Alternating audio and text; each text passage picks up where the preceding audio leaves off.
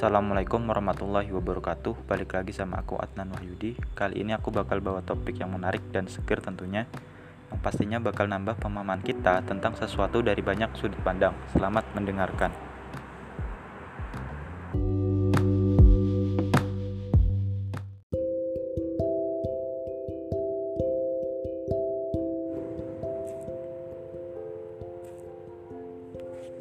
Berikut adalah tulisan dari Sandi Pradana yang dikutip dari IDN Times. Belajar dari sejarah, enam cara ini digunakan untuk menghentikan pandemi.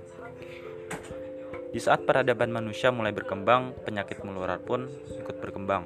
Di masa lampau, hal ini sebagian besar diakibatkan karena penduduk di suatu daerah hidup dengan sanitasi dan nutrisi yang buruk atau berdekatan dengan hewan-hewan yang membawa penyakit. Sementara beberapa pandemik awal hilang sendirinya dengan bayaran kematian yang besar. Prakarsa medis dan kesehatan masyarakat di era modern mampu menghentikan penyebaran pandemik setelahnya. Berikut 6 pandemik terburuk di dunia dan bagaimana cara mengakhirinya. 1. Membangun kekebalan tubuh. Wabah Justinianus. Wabah Justinianus atau Plague of Justinian dikenal sebagai salah satu wabah paling mematikan yang pernah tercatat dalam sejarah. Wabah ini disebabkan oleh Yersinia pestis, bakteri yang dibawa oleh tikus dan menyebabkan penyakit pes. Perlu diketahui kalau tiga pandemi paling mematikan dalam sejarah yaitu wabah Justinianus, maut hitam, wabah besar London disebabkan oleh bakteri ini. Wabah Justinianus sendiri menimpa ibu kota kekaisaran Bizantium, Konstantinopel pada tahun 541 Masehi. Penyakit ini pertama kali terangkut melewati Laut Mediterania dari Mesir yang baru saja ditaklukkan dan diperintahkan untuk membayar upeti kepada Kaisar Justinianus. Diduga kalau wabah ini berasal dari kutu yang ada pada tubuh tikus yang naik atas kapal. Wabah ini menghancurkan Konstantinopel dan dengan cepat menyebar ke seluruh Eropa, Asia, Afrika Utara, dan Timur Tengah menewaskan sekitar 30-50 juta orang atau sekitar setengah dari populasi dunia pada saat itu. Thomas Mokaitis, seorang profesor sejarah dari Universitas DePaul, Chicago, berpendapat kalau orang-orang yang hidup pada masa itu belum punya pemahaman tentang bagaimana cara melawan pandemi ini, selain mencoba untuk menghindari orang yang terjangkit penyakit pes. Seperti yang dilansir dari Journal of Military and Veterans Health, wabah ini berakhir dengan menyisakan orang-orang yang berhasil bertahan hidup karena memiliki kekebalan terhadap bakteri tersebut. 2. Karantina atau maut hitam. Wabah atau tulah yang menggambarkan dunia di awal abad pertengahan tidak pernah hilang sepenuhnya. Wabah ini kembali 800 tahun kemudian dan dengan cepat menyebar ke penjuru benua biru. Wabah ini disebut Black Death atau maut hitam yang melanda Eropa di akhir abad pertengahan. Menurut histori diperkirakan 200 juta orang meninggal hanya dalam kurun waktu 4 tahun. Adapun untuk menghentikan wabah ini, sekali lagi orang-orang pada masa itu masih belum memiliki pemahaman ilmiah tentang proses penularannya. Namun, mereka sudah sadar kalau penyebaran wabah ini ada hubungannya dengan kontak jarak dekat. Hal ini membuat para petinggi yang berpikiran maju di Ragusa, kota pelabuhan yang dikontrol oleh Republik Venesia, memutuskan untuk mengisolasi pelaut yang baru tiba sampai terbukti kalau mereka tidak sakit. Pada awalnya, para pelaut ditahan di kapal mereka selama 30 hari, yang kemudian dikenal dengan dalam hukum Venesia sebagai Trentino. Seiring berjalannya waktu, Venesia meningkatkan isolasi paksa tersebut menjadi 40 hari atau disebut sebagai Quarantino Inilah asal muasal kata karantina dan awal mula praktiknya di dunia barat. 3. Pembatasan aktivitas sosial atau wabah besar London. Di saat benua Eropa perlahan sembuh dari maut hitam, kota London kembali diserang oleh wabah yang sama secara konstan. Wabah ini muncul kembali setiap 20 tahun, dari tahun 1348 hingga 1665. Total 40 wabah dalam 300 tahun.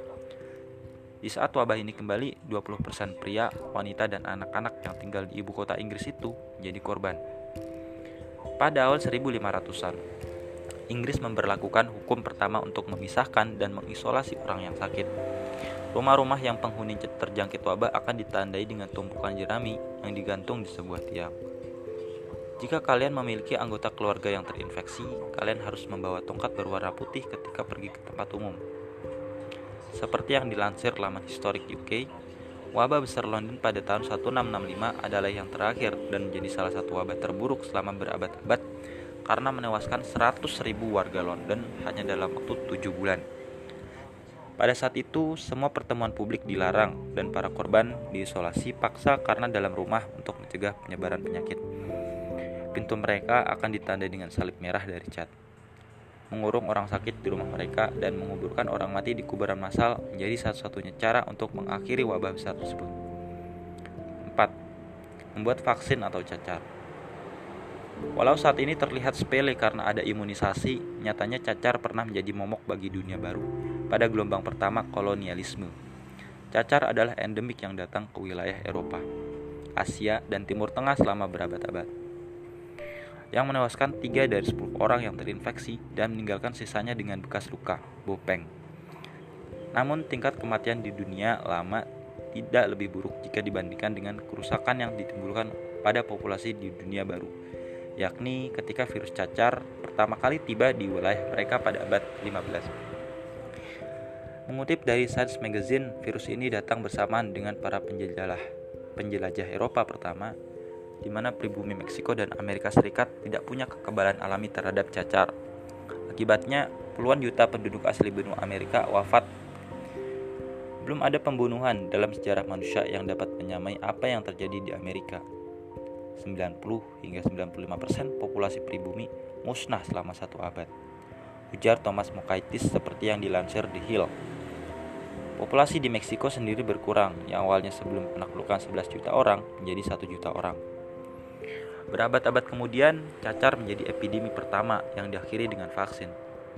Pada akhir abad ke-18, seorang dokter Inggris bernama Edward Jenner menemukan vaksin untuk cacar. Menghilangkan cacar, momok paling mengerikan dari spesies manusia. Harus menjadi hasil akhir dari praktik yang saya lakukan. Tulis Jenner. Dia pun berhasil, walau butuh hampir dua abad lagi untuk membuktikan ucapannya.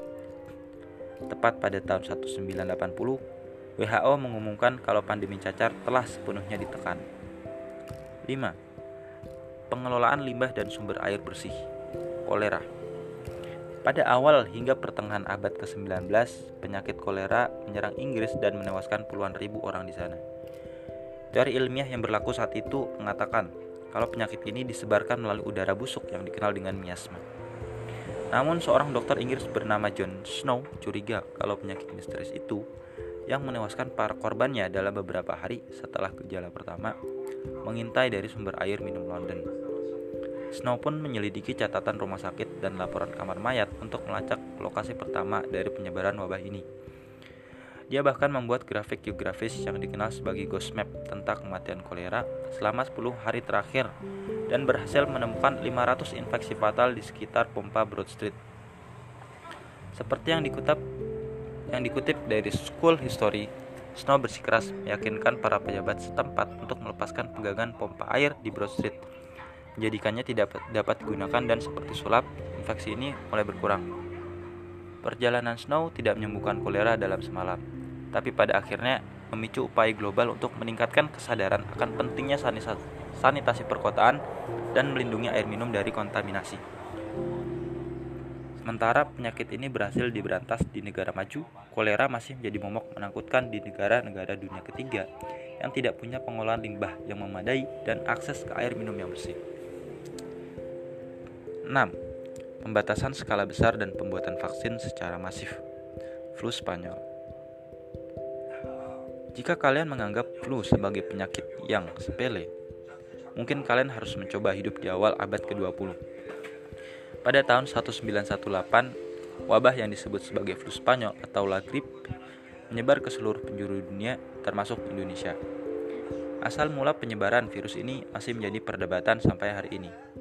Uniknya, tidak ada satupun teori yang menyebutkan Spanyol sebagai wilayah awal dari penyebaran virus ini.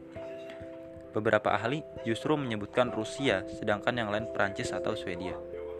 Pada tahun 1918 sampai 1919, virus ini terus menyebar selama babak akhir Perang Dunia I. Hanya dalam waktu 2 tahun, flu Spanyol telah membunuh sekitar 50 sampai 100 juta orang di seluruh dunia dan karenanya ditetapkan sebagai sebuah pandemi. Lalu bagaimana cara masyarakat dunia menangani virus ini? Melansir dari stanford.edu, pada saat itu masyarakat mulai menerima otoritas pemerintah sehingga memungkinkan Departemen Kesehatan di beberapa negara untuk melakukan tindakan pencegahan dan pembatasan bagi mereka yang terjangkit virus ini. Pandemi ini juga turut memberikan andil dalam pengembangan dunia sains, di mana vaksin mulai dibuat secara tepat dan masif. Penyebaran flu Spanyol akhirnya terhenti, sebagian besar karena mereka yang selamat sudah punya kekebalan. Nah, itu tadi 6 pandemi terburuk di dunia dan bagaimana itu berakhir. Tetap tenang dan jangan panik, usahakan untuk cuci tangan setiap saat dan hindari kerumunan. Walau terlihat sederhana, hal itu perlu dilakukan untuk mengurangi atau memutus penyebaran virus di sekitar kalian.